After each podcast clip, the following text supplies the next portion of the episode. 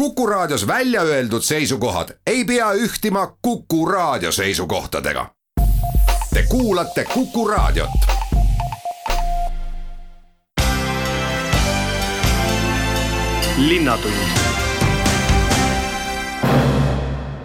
tere kuulama saadet, mis räägib vaktsineerimisest nii noorte kui vanade omast nii toidu kui veinifestivalist, linnakirjanikust ja tema suvest ja uuest raamatust, Tokyo olümpiamängudest ja tartlastest seal, rattamatkade digikaardist ja Eesti lennupäevadest. juttu juhib Madis Ligi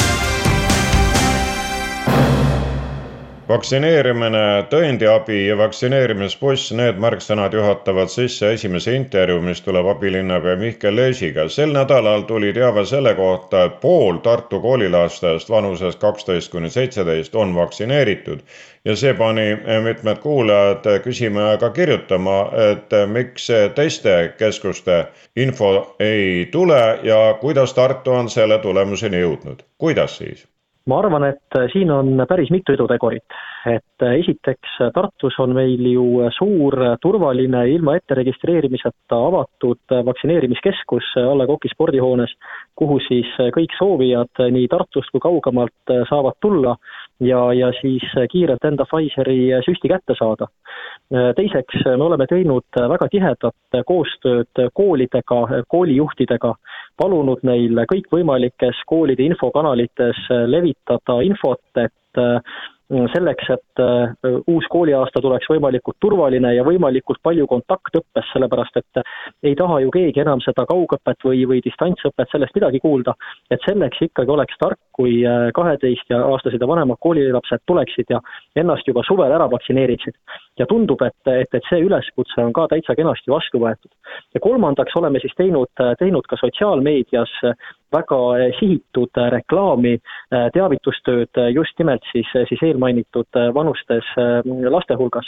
aga ma tahaksin rõhutada siinkohal, et see viiskümmend ja, ja tänaseks juba natukene peale protsenti, mis meil on siis, siis kaheteist kuni seitsmeteistaastastest koolinoortest vaktsineeritud, et me kindlasti ei saa sellega rahul olla, nagu öeldakse, tibusid loetakse sügisel, sihime ikkagi tunduvalt kõrgemale, sihime seitsekümmend, kaheksakümmend, miks mitte üheksakümmend protsenti esimeseks septembriks, et see kooliaasta saaks siis, siis kenasti ja, ja, ja täie hooga peale hakata. Nii et vaatamata koolivaheajale ja suvepuhkustele on ikkagi koolilapsed neid kutseid vaktsineerida kuulda võtnud ja see viiskümmend on ikkagi väga tõene? see viiskümmend protsenti on väga hea tulemus tõepoolest äh, Eesti mõistes ja, ja, ja võrreldes väga paljude teiste kohalike omavalitsustega.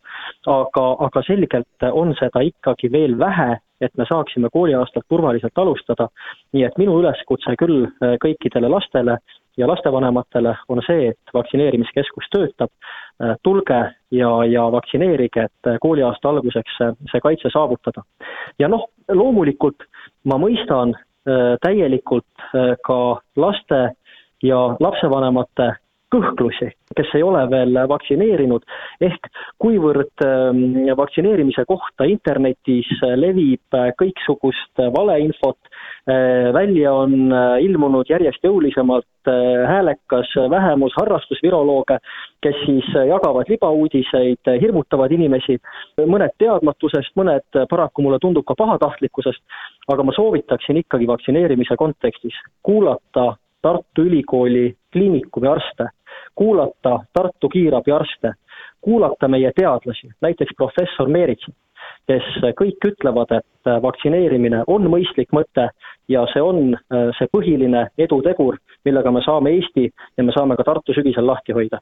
nüüd aga eakamate kuulajate juurde, sellepärast et linnavalitsus on pakkunud abi pikema minevikuga tartlastele tõendi saamisel, ehk kui ise ei saa või ei oska, siis jagate juhatust? just, kõik eakad tartlased ja ka teised tartlased, kes ei pruugi olla eakad, aga kes ühel või teisel põhjusel tõepoolest eh, ei oska või, või ei saa, siis eh, endale vaktsineerimistõendit kas tõmmata telefoni või siis välja printida, on oodatud nii Tartu Raekoja hoones asuvasse Tartu linna infokeskusesse kui Tartu linna raamatukokku ja kõikidesse haruraamatukogudesse kui äh, Tartu vaktsineerimiskeskusesse, et saada siis see vaktsineerimistõend, millega siis on võimalik saada erinevatele sündmustele, teatrisse, kinno, kohvikusse, välja printida. ja selleks, et see tõend välja printida, oleks siis vaja tulla kohale ja võtta kindlasti kaasa ID-kaart ja ID-kaardi koodid. et sellisel juhul on see printimine võimalik, muidu kahjuks aidata ei saa lõpetame intervjuu aga vaktsineerimisbussiga, see buss tuleb siis kohe kesklinna? see buss tuleb kesklinna, sellel nädala lõpul on Tartus päris mitu suuremat sündmust. meil on toimumas Tartuf, meil on toimumas ähm, veini- ja toidufestival. me eeldame, et kesklinnas on palju tartlasi, aga ka Tartu külalisi ja sellepärast me tõepoolest tahame pakkuda reedest pühapäevani ehk siis kuuendast kaheksanda augustini äh, kellaaegadel kaksteist kuni kella kaheksani õhtul Tartu Kaubamaja kõrval võimalust ennast vaktsineerimisbussis vaktsineerida. kasutusel ikka seesama äh, Pfizeri vaktsiin, mis äh, kasutusel ka vaktsineerimiskeskuses ja, ja, ja saab tulla, sisse astuda, sutsu kätte, ette registreerima ei pea. nii et oodatud kõik tartlased, kes on vaktsineerimata ja samamoodi ka Tartu külalised, kes siis see nädalavahetus Tartus on ja neid erinevaid sündmusi külastavad. kui buss on kesklinnas, kas vaktsineerimiskeskus A Le Coq'i spordimajas töötab ka nädalavahetusel? töötab vaktsineerimiskeskus töötab nüüd äh, sellel nädalal kuuendast augustist ehk siis äh, reedest kuni äh, siis järgmise nädala esmaspäevani, üheksanda augustini ja siis hakkab jälle vaktsineerima kaheteistkümnendal augustil. nii et on võimalik tulla lisaks bussile ka vaktsineerimiskeskusesse. linnatund linnatund läheb edasi Toidu ja Veini festivaliga ja tunnil ettevõtluse arenguosakonda Liis Vaheri jutule täpsemalt teile teada anda, sest otse loomulikult koroona olukord ka muudab seisu. millal siis äh, üritus lahti läheb? toidu ja veinifestival alustab äh, sel reedel, toidutrakid panevad ennast valmis juba hommikust, aga avavad äh, sööjatele kella viiest, ametlik avamine on tegelikult pidulik avamine on kell seitse õhtul ja on nad kesklinnas tavapäraselt teise päeva ka, laupäeval liituvad nendega väiketootjad, kauplejad, et siis, kui keegi soovib tulla ja, ja osta nipet-näpet söögikraami, siis seda ka saab. ja lisaks on nii reede kui laupäev avatud traditsiooniliselt veiniala. muutunud on siis seoses olukorraga nii palju, et äh, veinialal me kontrollime siis sissepääsuks äh, ohutust ehk siis neid QR-koode, mida hakkab toitlustus edaspidi ka küsima suure tõenäosusega. Ja kuna toiduala on avatud linnaruum, siis seal me külastajaid ei kontrolli, sinna saab igaüks tulla, aga me kindlasti toonitame, et tulge ainult tervena kuna Hansalaat jäi sel aastal ära, siis kas ettevõtjate, pakkujate ja kauplejate huvi on tavalisest suurem? ehk milline on tung Toidu ja veinifestivalil olnud? Tegelikult üsna sarnane, mis ta on ka olnud varasematel kordadel, et eelmine aasta küll me pidime oluta sunnil ju ürituse ära jätma. jah, nüüd, kui, kui on tulnud jälle uued reeglid, siis on olnud ka mõned loobujad aga üldiselt me ei, ei tähelda, et oleks meeletult rohkem neid soovijaid seetõttu, et siin mõned teised üritused on ära jäänud, aga ei ole ka vähem, kindlasti mitte, et ikkagi kauplejad ja, ja toitlustajad ootavad, et nad saaksid rahvale pakkuda, sest ega neil on ka ikka olnud väga rasked aastad kui festival reedel algab, siis kaua ta kestab? reedel südaööni ja laupäeval ka südaööni kauplejad on küll äh, natukese lühemalt, äh, ametlikult kella seitsmeni laupäeva õhtul, toitlustajad on südaööni. milliseid toite pakutakse? Väga erinevaid toite igale maitsele, kala, liha, vegan variante, burgereid, äh, tulevad mereannid, tulevad krõbedad räimed, pitsat, magusat kindlasti kahtlemata, tuleb jäätisekohvik, tuleb lihunikuäri koos lihunikuga et igale maitsele. Kui jõuame ka veiniriiulite lettide juurde, siis äh, kes seal oma kaupa pakuvad? veine pakuvad äh, erinevad maaletoojad, on kindlasti ka, ka välismaalt.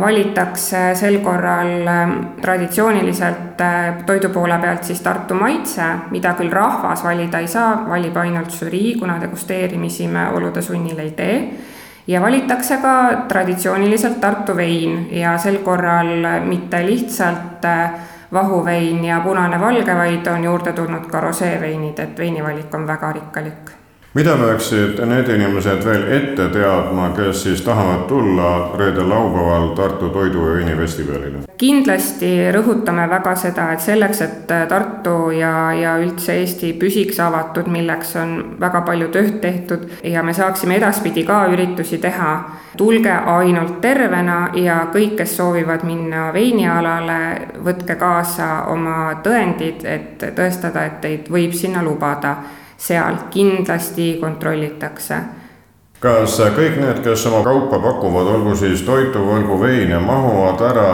siis äh, siia kesklinna Raekoja platsist kuni kaubamajani või võtate ka kesklinna pargist äh, osa endale? veiniala on kesklinna pargis, samamoodi oleme mõelnud ka väiksematele ehk siis äh, lastele mõeldud tegevused jäävad ka kesklinna pargi mänguplatsi lähedusse lisaks on äh, siis toitlustajad Küüni tänaval, ka kauplejad tulevad Küüni tänavale juba peaaegu kuu, selle nädalaga lõpetab Autovabaduse puiestee, seal on toitlustajaid ja tulevad ka tegelikult äh, turuhoone juurde. Et, et me oleme ka hajutamise mõttes võrdlemisi ikka üle kesklinna laiali.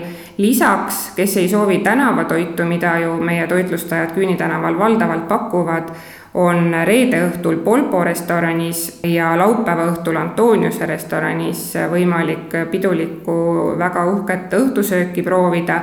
sinna on kohad ette registreerimisel ja, ja selle info leiate kindlasti ka maitsevtartu.ee lehelt ja kohti minu teada tänase seisuga veel mõned on. linnatund jõuab nüüd linnakirjaniku jutule. Juhan Voolaid, kas Tartu linnakirjanik on suvel Tartus?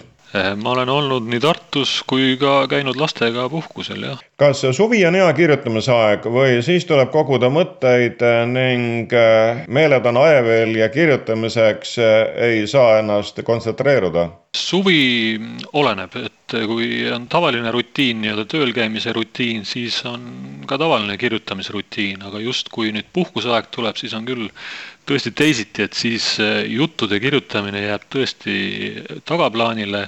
küll aga kui ma käin lastega näiteks või noh, perega siis reisil, siis ma kirjutan küll niisuguseid reisijutte alati küll enda niisuguseks tarbeks. et äh, noh, niisugune väike kirjutamine ikka käib kogu aeg aga kui mõte tekib, eh, siis tuleb üles tähendada või see jääb kuhugi ajusoppi ja siis, kui on eh, rohkem mahti, saab laua taha istuda, arvuti taga olla ja juba kõik üles tähendada? ei, mõtteid ma raisku jah kunagi ei lase, et kui ikka mõte tuleb, siis mul on diktofon, kõik mõtted lähevad diktofoni ja kui tekib eh, hiljem hetk, et siis lähevad kõik mõtted kirja ja siis tulevikus on sealt võtta eelmine kord, kui me rääkisime, siis oli kõneaineks Tartust sündinud nii-öelda mälestuste raamat, kuid eh, seekord on Tartu linnakirjanik jäänud Tartu juurde ja on ilmunud uus teos jah, et siin suvel on mul ilmunud tegelikult eh, mitmesuguseid asju, on olnud eh, näiteks Tähekeses lastele on, on, on ilmus üks jutt Isesõitvad jalgrattad just ja septembris tuleb ka üks number ühe ja A-tähe tüli. siis on olnud ka suurtele ma kirjutan hetkel siis äh, spordinovellide kogumikku ja siis äh, nendest juba esimesed äh, jutud on ka avaldatud, et näiteks ajakirjas Jalka, mis on siis spordiajakiri, ilmub järjejutt Kaotada tuleb osata ja Loomingus on selline jutt nagu Bobi kolmas mees, mis on siis, ilmub kahes osas, esimene osa oli juulis. aga mm, nüüd jah, et uus raamat on ka välja tulnud tõesti, see on siis Tartu Jaani Ürik valik ja elu mõtte räpane saladus, et, et see on siis mu Tartu raamatute tsükli kolmas teos, et sarja kunagi ammu juba kahe, kaks tuhat neliteist avas linna varast ajalugu tutvustav hokimängija Tartu linnamüüril, millele järgnes Tartu õuduskaupmees. ja noh, see, see raamatusari siis on selline, et juttudes segunevad tänapäevane seiklus saab siis kokku Tartu linna ajalooga. et Jaani Jüriku raamat ma ise lühiks, lühidalt ütlen selle kohta, Jürik kõik see raamatu kohta sisaldab kaht lugu, esimene on Rahalehm, et see on siis eluraskustes noormehest jutustab, kes otsib endale rikast tüdruksõp-, sõpra ehk siis rahalehma. ta tutvubki peol ühe ajaloohuvilise neiuga ning nii kerkib siis ka sinna, tekib siis juurde see ajaloo teema. see teema seekord on siis see, et kas Tartut läbi kunagi Peipsi järvelt Pärnu lahele viiv veetee või ei ja seal raamatus on siis kaks juttu, teine jutt on siis nimilugu ja selle jutu tegevustik hargneb siis öises Jaani kirikus, kus selgub, et kõigi inimkonna hädade põhjus peitub just siin, Tartus. ühtekokku siis kakssada lehekülge? kakssada lehekülge on umbes see raamat, jah. tsüklist on nüüd kolm raamatut ilmunud, kas tulevad ka järgmised?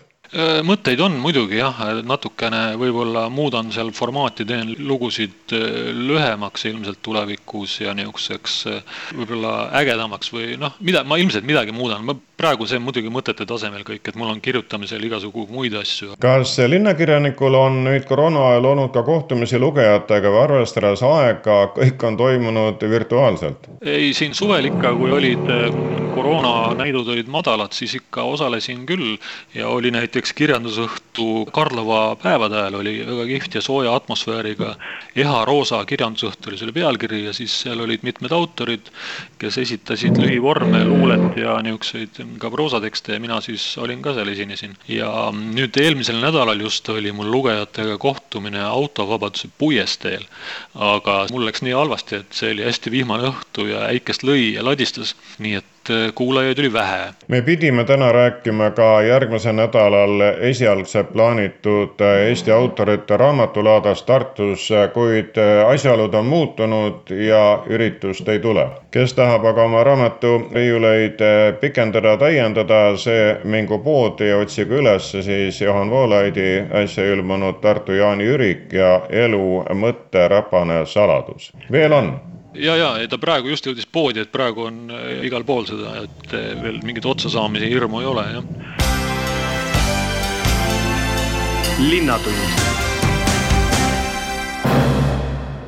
järgmine jutt viib meid olümpialainele, sest kergejõustik on käima läinud ning lõpeb see pühapäeval maratoniga ja kuna ka meie mees Tiidek Nurme on äh, stardijoonel, siis võtsin tema treenerile Harri Lembergile kõne, et kuulda, millised on tema teadmised, ootused ja lootused ja ka muljed. seekord on treener siinmail, mida sa viimati Jaapanis teada said? just paar päeva tagasi sai Tiidrekuga rääkida ja nagu kõik teavad, et siis maraton toimub Sapporos, arvatakse, et see natukene jahendab, jahedam võrreldes Tokyoga, aga Tiidrek ütles, et praegune prognoos ja praegune ilm on seal, et on suhteliselt sarnane selle eh, Tokyoga, nii et selles suhtes suurt vahet ei ole. Tiidrek ja Roman Vosti on heas seisus, Tiidrek ütles, et viimane trenn, mis ta seal tegi, läks väga hästi korda ja on ilusti aklimatiseerunud ja ja noh, õnneks see Eesti suvi aitas kõvasti sellele kaasa, et päevad olid üks-ühele peaaegu, kuidas seal Sapporos ilm on, nii temperatuur kui ka õhuniiskus. muidugi Tiirek oli valmis ka kasutama kuuma kambrit, et professor Pahurepikuga oli see kokkulepe olemas, aga seda ei pidanud kasutama, sai loomulikus tingimustes need trennid ära teha ja et praegu on nad siis Sapporos, viimased päevad ootavad, mis ja kuidas need lähevad ja et siis oleks stardijoonel. kuidas teie olümpiatsükkel välja nägi, et äh, millal hakkasid toimuma treeningud juba selle nimel, et äh, käimasolevatel olümpiamängudel õigel ajal vormis olla? noh, eks see on selline pikk protsess, kuna ütleme, Tiireku selline Eh, õige maraton või ütleme, kiire maraton on, see toimus siis praktiliselt poolteist aastat tagasi Sevillas, aga ta käis siis äh, eelmise aasta lõpus Taipeis jooksmas veel, et noh, see oli natukene sarnane nende tingimustega ja, ja seal sai ka seda mullivärki nõndanimetatud läbi proovitud, et see oli veel ekstreemsem, et sealt tuli tal praktiliselt kaks nädalat hotellitoas olla kuhu toodi toit ja kuhu hotellituppa toodi ka treadmill, mille peal sai siis trenni teha. Õnneks praegusel hetkel nii hull ei ole, et, et seal Sapporos nad elavad hotellis, isegi see eluolu on tunduvalt äh, inimlikum ja, ja parem võrreldes olümpiakülaga, et selles suhtes nad on nagu sellises paremas seisus. aga praktiliselt ütleme nii, kui Tiidrek jooksis kevadel mais see kümme kilomeetrit Euroopa, ütleme, kuidas nad nimetatakse, Euroopa karika kümme kilomeetrit, kakskümmend kaheksa, kolmekümne viiega kuskil. peale seda hakkaski nõndanimetatud ettevalmistus siis maratoniks ja praegu tundub, et asjad on hästi sujunud ja Tiidrek on heas seisus. kui pikki otsi jookseb üks maratonijooksja enne olümpiamaratoni? no väga erinevad, ütleme sellised pikemad otsad on isegi rohkem kui klassikaline maraton, nelikümmend kaks kilomeetrit. Et äh, sellise, et valmistada keha ette ja eelkõige ka jalga ette sellise kestva pingutusega, et äh, on täpselt praktiliselt sellised kolmetunniseid trenne tehtud, et, et on, mis on oluliselt pikem kui siis reaalne äh, maraton võistlus, võistluse olukorras millise aja peab Nurme Jaapanis välja jooksma, et treeneri süda oleks rahul ja tunneks ta rõõmu nii tulemusest kui ettevalmistusperioodist? see on väga hea küsimus, et äh, väga keeruline öelda, et missugune saab seal see olukord olema, et ütleme, laias laastus kaks tuhat üheksateist Doha oli ka selline, aga Doha pluss oli see, et Doha toimus keskööl, seal enam päikest ei olnud, oli kuum ja niiske aga Saporos on ikkagi selline, kus päike ikkagi paistab ja okei okay,, ütleme jahutamine toimub seal hästi, et, et jaapanlased on väga õppinud selles ja Dohas oli ka vastav konverents ja räägiti, mis ja kuidas peaks see maraton toimuma olümpiamängudel. et seal praktiliselt on iga kahe kilomeetri tagant on jahutus ja ergutus, ütleme siis punkt, kus on võimalik keha maha jahutada ja siis vedelikku tarbida, et, et, et, et higistamisega higistatud mineraalid jälle tagasi saada. et selles suhtes noh, on, on võimalik ennast jah, maha jahutada selles äh, kuumas kliimas, aga mis äh, aeg, aega ma isegi ei julgesti väga pakkuda, ma arvan, et äh, kahe viieteistkümnest kiiremini veidikene, aga ma usun, et kui Tiidek teeb targa jooksu ja realiseerib oma hea seisu ära, siis äh, ma arvan, et ta on esimese kahekümne seas. kui peenaiste edu välja jätta, siis milline on siiani sinu kõige ägedam olümpiaelamus olnud Tokyost? no kindlasti jälle kodulinlase äh, rassijooksjad, see on ikkagi super, need mehed tegid seal olümpia ajalugu, tegid ol olümpialugu ja selle üks tegelane oli Rasmus, nii et äh, see Rasmuse etteasted on ikkagi olnud ütleme, kõige sellised hinge läinud ja kõige rohkem emotsioone pakkunud. et loomulikult seal on väga ägedaid muid asju ka toimunud, eelkõige ma kergejõustikku silmas pidades, aga ikkagi rassijooksud olid ikkagi super. linnatund järgmine intervjuu tänases Linnatunnis äh, juhatab teid rattamatkale ning äh, kasuks tuleb äh, siis esimene rattamatkade digikaart, kus tartlase käsi mängus ja ka pikk rattamatka kogemus. telefonina on Rein Lepik.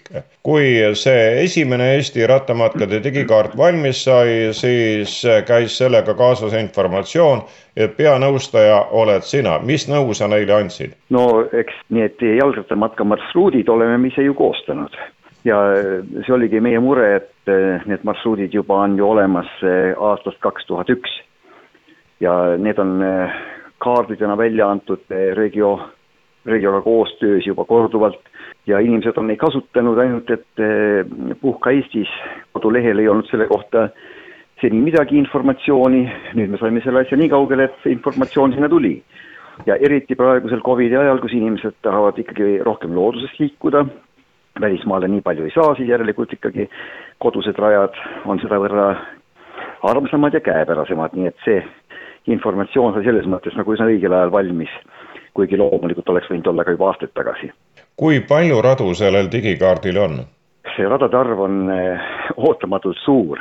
kõik nad ei ole muidugi võrdväärsed ja võrdse kvaliteediga, aga see number on eh, üle kuuekümne minu rehkenduste järgi isegi. ja eh, loomulikult on seal need marsruudid, mis on Eurovelo marsruutidena ka Euroopa marsruutide koos noh, selles nimistus nii et need on need kõige tähtsamad marsruudid, siis on natukene nii-öelda kergema kategooria marsruudid, mis on regionaalsed, mis ühendavad erinevaid piirkondi. Ja siis muidugi tohutul hulgal kohalikke marsruute. ja mõnel pool on neid välja töötatud väga suurel hulgal, aga ei ole päris lõpuni viidud, et ütleme, viitasid pole välja pandud, aga et on nad olemas kaardi peal vähemasti. Ja see info on olemas ka nüüd selles eh, digikaardil, et noh, ütleme, neid saab inimesed ka saavad siis kätte sealt ja saavad leida need üles looduses, kui tahavad sinnakanti matkama minna. kui see üldine info on endale enam, enam-vähem selgeks tehtud, siis eh, loomulikult tuleb valida see õige matkapiirkond, mis endale sobib, kas siis kodulähedane või natuke kaugem, ja siis ka vastava raskusastmega matkarada. seal on kirjeldused ka olemas, kus on öeldud, et noh, mõnel pool nagu oleks vaja mägiratast, mõnel pool on väga lihtne sõita ka tavalise linnarattaga. enamasti muidugi Eesti maastikel ei ole midagi niisugust väga ränka noh, ütleme, kui siin minna näiteks Tartu rattamaratoni rajale, noh siis eh, seal on natuke rohkem ettevalmistust vaja, aga aga põhimarsruutidel võib sõita täiesti ka tavalise linnarattaga. vähemalt nüüd on meil olemas kõik tänapäevased eh, kaardid, eh, kui enne siis pidi atlase kaasa võtma või mingi voldiku, on ka rattateede kaarte ju erinevate piirkondade kohta välja antud, siis nüüd on kasutada ka siis Eesti esimene rattamatkade digikaart kas hakkate seda nüüd täiendama ka või see toimub jooksvalt? eks seal midagi jooksvalt toimub ja ega ma ei ole jõudnud ise ka nüüd kõike üle kontrollida, kas see on nüüd eh, viga, vigade vaba nii-öelda, et ühesõnaga sada protsenti kõik õige. eks näpuvigasid võib sisse tulla, aga ma loodan, et töö on tehtud piisava põhjalikkusega, et seal ikkagi ei ole suuri vigu. ja mõnel pool ikkagi loomulikult need matkaradade kaardid selle võrragi täienevad, et kui kusagil ehitatakse juurde mõni eh, kergliiklustee lõik või et lihtsalt eh, mõni tee on saanud ka korralikuma teekatte, siis me oleme need marsruute natuke ümber teinud küll, Hiiumaal näiteks ja Läänemaal, ja see on eh, kindlasti andnud juurde sellele matkarajale positiivset emotsiooni.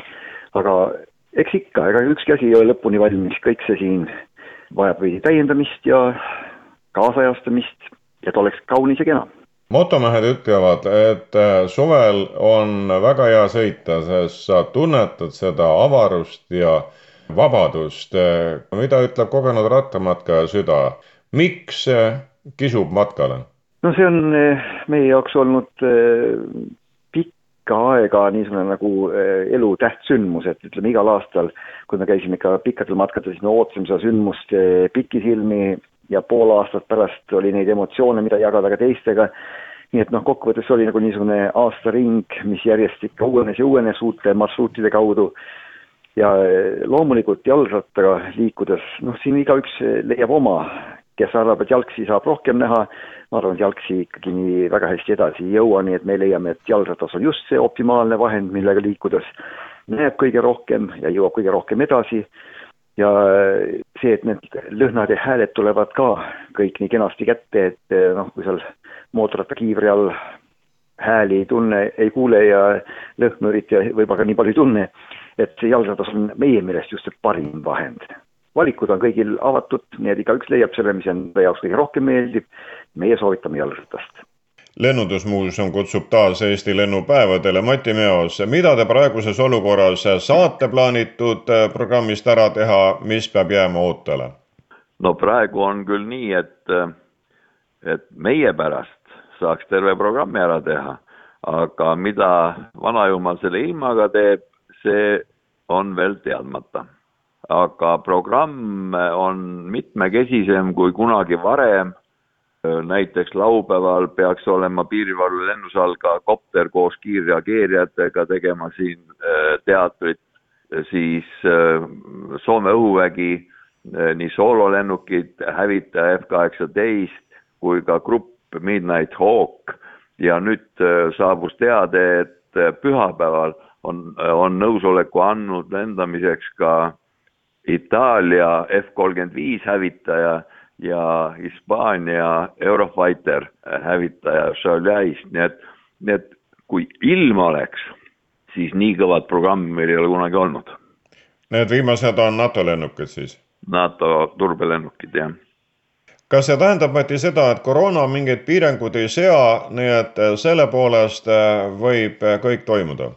Põhimõtteliselt seab ikka, meil on esmakordselt võetud nüüd lepinguliselt palgale G4S mehed, kes kontrollivad siis meditsiinitõendeid külastajatel ja meil on ka Monika Vase perearstikeskus, kes koha peal on valmis tegema siis kiirteste. nii et, et me püüame nii teha, nii nagu valitsus on juhtnöörid andnud. millal programm käima läheb? no programm hakkab meil juba tuksuma kohe hommikul kell kümme, sest siis siis lähevad lahti tasulised lennud, sest, sest meie lennupäevade häda on selles, et tasulisi lend, lendusid, huvilendusid ei saa teha siis, kui vigurlennud käivad.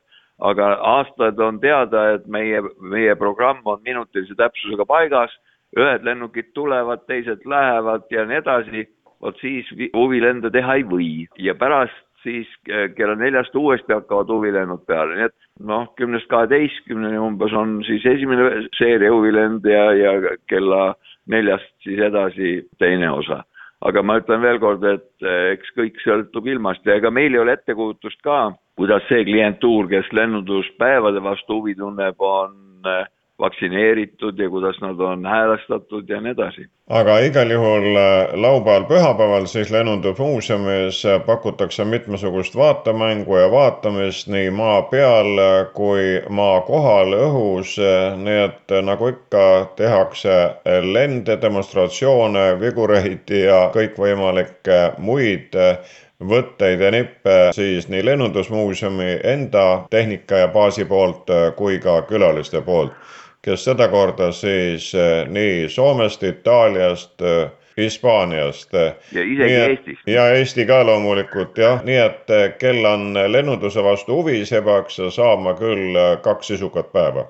jah, ja meil on rohkem kui varem on ka firmade reklaambokse näiteks militaarjalanõudega maskuliinne Samelini ekspositsioon näiteks. Tartu terminal osaleb sest Tartu terminal pakub siin konkurentsi teistele suurtele kütusefirmadele väga positiivsete näidetega kallid kuulajad, see oli ka viimane intervjuu tänasest saatest, mis rääkis vaktsineerimisest ja sellest, kuidas linnavõim püüab äh, tartlasi aktiviseerida ja neile võimalusi juurde luua või kergemaks teha, näiteks tõendite saamist. selgitus jagas abilinnapea Mihkel Lees nädalavahetusel toimuvast toidu- ja veinifestivalist andis ülevaate peakorraldaja Liis Vaher ettevõtluse arengu osakonnast. milline on Tartu linnakirjaniku suvi ja mis tal just trükist tuli, seda kuulsime Juhan Voolaidi käest. Tokyo olümpiamängudest ning maratonist rääkis kergejõustikutreener Harri Lemberg, kelle hoolealune Tiidrek Nurme pühapäeval on stardis ärgitasime teid minema rattamatkale ja abiks võtma ka Eesti esimest rattamatkateede digikaarti ning lõpetasime kutsega lennupäevadele, mis eeloleval laupäeval ja pühapäeval Lennundusmuuseumis. viimaste kohta jagasid selgitusi Rain Lepik ja Mati Meos. saate pani kokku Madis Ligi. aitäh kuulamast, kasutage neid pakutud ja teisi võimalusi, et suvest ja Tartust osa saada linnatund